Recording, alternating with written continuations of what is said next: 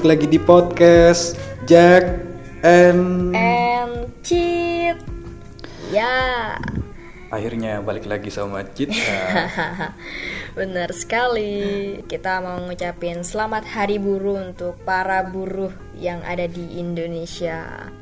Bener banget. Di tanggal 1 Mei ya. Di May Day ya. ya 1 Mei 2020 Bener. nah jadi kita mau bahas buruh nih bahasan yang agak berat ya serius banget nih. Hmm. nggak nggak terlalu serius kok tetap di bawah santuy ya di podcast kami semuanya santuy Asli. Karena kita orang santuy. ya benar sekali nggak mau terlalu serius nanti nanti urat nadi kita putus Waduh. apa sih nggak jelas nggak jelas oke Aduh. balik lagi buruh menurut Jakfar buruh itu dipandang rendah apa dipandang tinggi kalau menurut Jakfar nyebut kata buruh itu Kalau menurut saya sendiri itu dipandang tinggi, Hmm. Cit. kenapa kenapa Karena buruh ini sangat berjasa. Kenapa aku bilang demikian ya? Eh, mungkin kita ngelihat buruh itu ya kerjaannya di pabrik apa ya? Heeh, posisi yang paling rendah Hmm, posisi di paling rendah. Tapi ingat, gak ada buruh, mungkin pabrik gak bisa beroperasi. Heeh, bener Iya. banget bener banget bener banget Terus di balik seorang buruh, mungkin dia adalah seorang ibu dari anak-anak, atau enggak dia seorang ayah dari anak-anak, atau enggak dia seorang anak dari ibu yang sedang memerlukan bantuan dia gitu kan. Jadi bener banget sih kalau dilihat di berbagai sudut pandang bahwa buruh itu nggak selalu negatif, nggak selalu posisi yang rendah. Bener tapi, tapi mayoritas orang-orang itu menganggap buruh itu mentang-mentang di posisi rendah, jadi buruh itu apa sih kayak nggak penting gitu loh. Jadi banyak kasus kasus-kasus entah itu pelecehan seksual, entah itu sikap yang tidak adil terhadap buruh itu banyak banget loh. Coba aja searching di web kalau kalian kalau pendengar-pendengar kita kepo searching di web dengan kata kunci pelecehan seksual terhadap buruh itu pasti banyak banget yang muncul. Dan itu kalau baca kalau baca baca lagi sih tragis banget.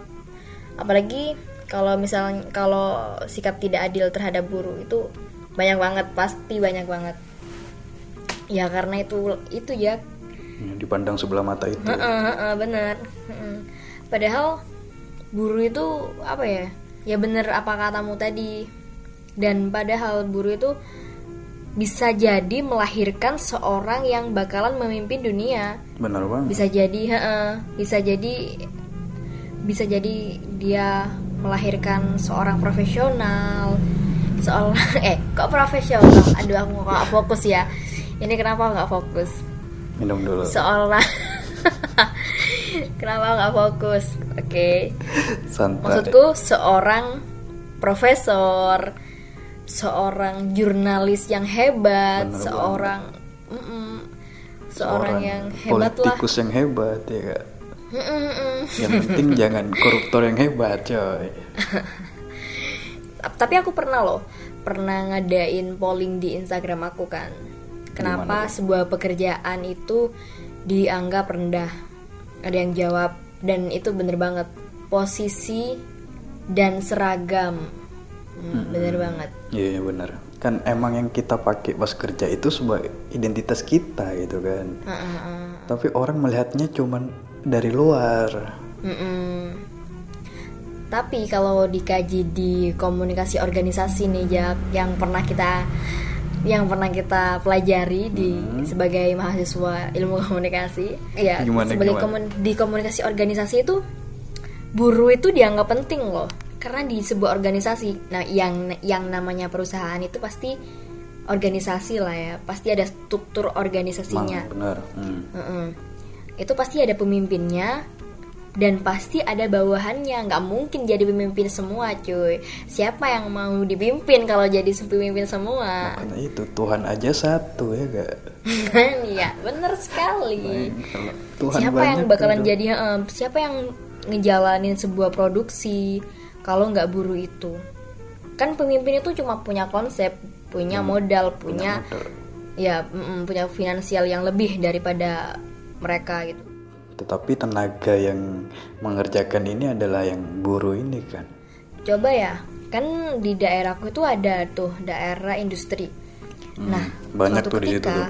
Heeh, suatu ketika buru-buru itu pak pada demo gara-gara apa ya gara-gara suatu masalah lah di perusahaannya nah itu tuh bener-bener mati jadi sebuah usahanya tuh bener-bener mati dan akhirnya pemimpinnya ini mau nggak mau ya nurutin para buruh dengan hal ini tuh buruh itu punya kekuatan loh kalau mereka itu kompak banget. Ya, heeh, heeh. Mereka apa? Sebuah pemimpin perusahaan juga mikir gitu loh. Ini udah aku kontrak lama-lama, tapi kok begini gitu. Tapi kok mau ke mau ke semua pada kompak gitu. Jadi ya para pemimpin itu mau nggak mau ya dengerin suara mereka. Dan apa ya dan termasuk buruh ini kan juga rakyat ya. Jadi suatu suara rakyat yang harus didengar lah gak hanya oleh perusahaan tapi juga pemerintah. Lagi buruh ini juga akhir-akhir ini kan ada ini banyak yang di PHK banyak yang dirumahkan. Yang menurutku gimana ya kalau melihat dari kasus-kasus ini nih, nih salah satunya kayak 87 karyawan Ramayana nih.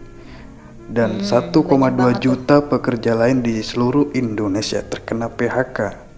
Itu nasibnya seharusnya ini apa ya disorot pemerintah ini serius gitu kan. bener bener bener. Soalnya bisa jadi itu satu-satunya mata pencaharian mereka di keluarga mereka. Dan kita nggak tahu loh anggota keluarganya itu seberapa banyak. Bener banget. Bisa jadi kita kan nggak tahu latar belakang mereka ini kenapa jadi buruh kan pasti mereka otomatis butuh uang lah.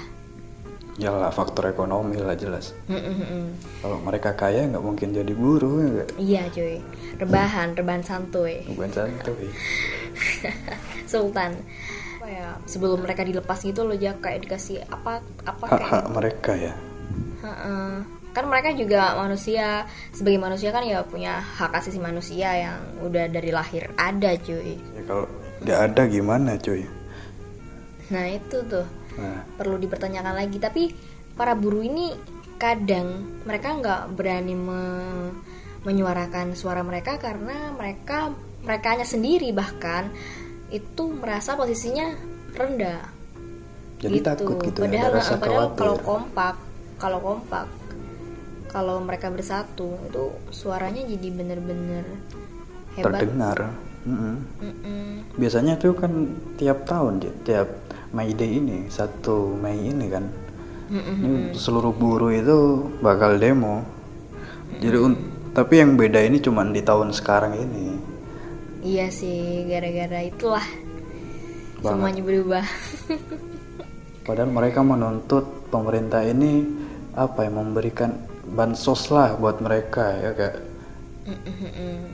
harus dilihat benar-benar dilihat bukan cuman banyak emang banyak profesi yang eh, menjadi lemah atau menjadi down waktu sekarang ini. Bener banget tapi bener banget. buruh ini kan eh, kalau nggak itu apalagi yang dikerjain ya kak Iya bener banget sebuah kepem- kepemimpinan. Kan kesuksesan kepemimpinan itu dilihat dari rakyatnya Mm. yang nggak bisa dilupain dari buruh ini meskipun mayoritas menganggap rendah mereka tetap manusia loh yang berhak dimanusiakan ya nggak sih bener banget Hmm. lagian juga di negara Indonesia ini kan eh, pemin apa ya tipe pemerintahnya itu harus mensejahterakan rakyatnya Hmm, bener-bener. Nah, apalagi negara kita ini negara demokrasi. Jadi ya harusnya sangat-sangat demokrasi mendengar suara rakyatnya termasuk buruh yang ada di dalamnya. ya tapi kalau emang dilihat dari banyak sisi ya Hmm, emang sekarang lagi eh, lagi down perekonomian ini mm-mm. Maupun perekonomian dunia pun down nggak cuma Indonesia. Nggak cuma Indonesia. Hmm, tapi di balik perekonomian down ini ada yang lebih down lagi coy. Ya kan? Iya. kayak eh masuk ke bencana nasional. Ya enggak In- sudah masuk ke bencana nasional. Dan di bencana nasional itu diperhatikan kesejahteraannya coy. Jadi eh, pemerintah ini berani melockdown itu berani bertanggung jawab. Berani memberi kompensasi gitu. Mm. nggak lockdown terus ditinggalkan. Itu kayak aku coy bisa aja ini Jaguar iya bener banget Jak dan aku tuh kecewanya pemerintah ngelakuin ini nih pembebasan terhadap napi-napi itu udah banyak yang down gak ada penghasilan itu udah sangat berpen- berpotensial. Kriminal. Heeh, kriminal. Nah apalagi ada yang dilepas. Uh mantap dah. Makin jadi ketua ya Nah nggak, itu tuh. Ya, Duh, nggak ini, ini lagi perlu sih. diperhatikan juga ya bagi pendengar. Bukan kita lockdown mungkin memang stay di rumah Hmm. tapi juga lebih diperhatikan di lingkungannya lebih hati-hati lagi lebih rumahnya hati-hati lebih lagi. dijaga lagi Heeh, bener banget, bener banget. soalnya aku pun juga pernah jadi korban di sini sudah Hmm. Itu kapan? Itu kapan? Bisa bisa jadi diceritain. Kapan tuh? Aduh, itu next next episode Oke, aja oke, biar next sama episode ini ditunggu ya. Bener coy, sama eh, korbannya langsung kita datangkan. Oke, oke, oke, oke. Emang sih. Terus di berita-berita itu pada ini yang dilepaskan dari penjara itu beraksi lagi malah. Ya, ya emang gitu loh. Karena mereka dilepas dan mereka nggak punya apa-apa gitu loh. Bisa jadi mereka nggak diterima lagi di keluarganya. Ya mau gimana lagi? Kita mau hidup terus dan kita butuh makan gitu. Ya udah terpaksa. Seperti kemarin tuh, aku pernah dengar nih di berita itu di mana ada orang mau mencuri motor, Hmm. tapi keburu ketahuan gitu kan. Oh, Itu di kantong celananya itu masih ada surat dari penjara loh. astaga. Kalau itu dibebaskan, bener serius. Ini kok jadi apa ya? Jadi mengerikan tuh. Wah ini kok dilepas gitu kan? Dilepas gara-gara corona, terus mereka maling gara-gara corona. Jadi, ini coronanya aja yang ditangkap coy. Iya bener banget. Mending coronanya aja pak ditangkep. Diborgol gitu kan? Kelar dah. Auto Kelar, pulih. polisinya corona langsung. Auto pulih ntar. Bukan malingnya. Iya bener bener bener coronanya jadi ditangkep. Iya sih, genius genius genius. Ya emang mereka tuh bebas itu bukan langsung jadi alim gitu. Mungkin ada, mungkin ada yang tobat. Tapi apa ya mereka bebas tuh udah gak punya kerjaan, ya. mana lagi kerjaan perlu SKCK. Waduh, banyak lah hal-hal yang perlu diperhatikan di sini. Ya apalagi kalau misalnya kita mempunyai riwayat kriminal itu sulit banget Susah cari banget. kerja cuy. Apalagi banyak yang di PHK kayak gini. Nah, malah malah sulit kuadrat. Kalau kriminalnya maling, gebukin orang, itu susah cari kerja coy. Tapi kalau kriminalnya kasus korupsi gitu, koruptor itu gampang Aduh, kerja. beda lagi tuh. Beda urusan, beda urusan, Serius. beda urusan. Sampai kan kemarin itu katanya mau dibebasin juga nih koruptor gara-gara corona. Iya, padahal tuh satu sel satu orang. Bener banget, kan gak, gak nyambung sama sekali kan. Kalau dipikir udah enak selnya AC kamar ya. Nggak paham Ngotot sih. lagi. Mending kayak gitu tuh, heeh. mending dibuat mensejahterakan buruh itu lagi. Dana yang dikeluarkan itu harus difokuskan kepada hal yang penting gitu. Jangan jangan menjadikan negara ini semakin kacau. Makin bingung. Mungkin bingung. sok-sokan aku ini, sok-sokan pinter. ya, tapi semua orang bisa menanggapi lah, bisa eh, memikirkan logikanya lah. Oh iya ya, pasti makin kacau negara ini kalau kayak gini terus ya kak. Nah, iya bener banget Jak. Jadi kayak mending dana yang terhamburkan dengan sia-sia itu dialihkan kepada ya sebagian buruh. Ya bukan sebagian sih kepada buruh. Soalnya mereka benar-benar butuh dan bingung mau gimana lagi. Buruh itu adalah pahlawan keluarga ya? Mm-mm, meskipun dipandang rendah di luar sana ya. Oke, cukup sekian ya mungkin ya buat episode kali ini. Dan kita emang mengapresiasi ke apa ya bekerja kerasnya Mm, buruh ini, semangatnya semangatnya, pantang menyerahnya. perjuangannya, benar. Dan kita dari podcast Janjit sekali lagi mengucapkan selamat, Selamat Hari, Hari Buruh. Buruh 2020 20 Yeay. benar banget pada tanggal 1 Mei ini di May Day. Yeay. Prok prok prok prok prok prok prok prok prok prok. Teko teko teko teko bukan. Oke terima kasih buat yang mendengarkan juga. Stay tune terus. Eh dan next episode akan lebih seru. Kita akan membahas apa ini? Membahas. Rahasia nanti biar kepo. Oke oke siap. Oke tetap di podcast Cak and Cik.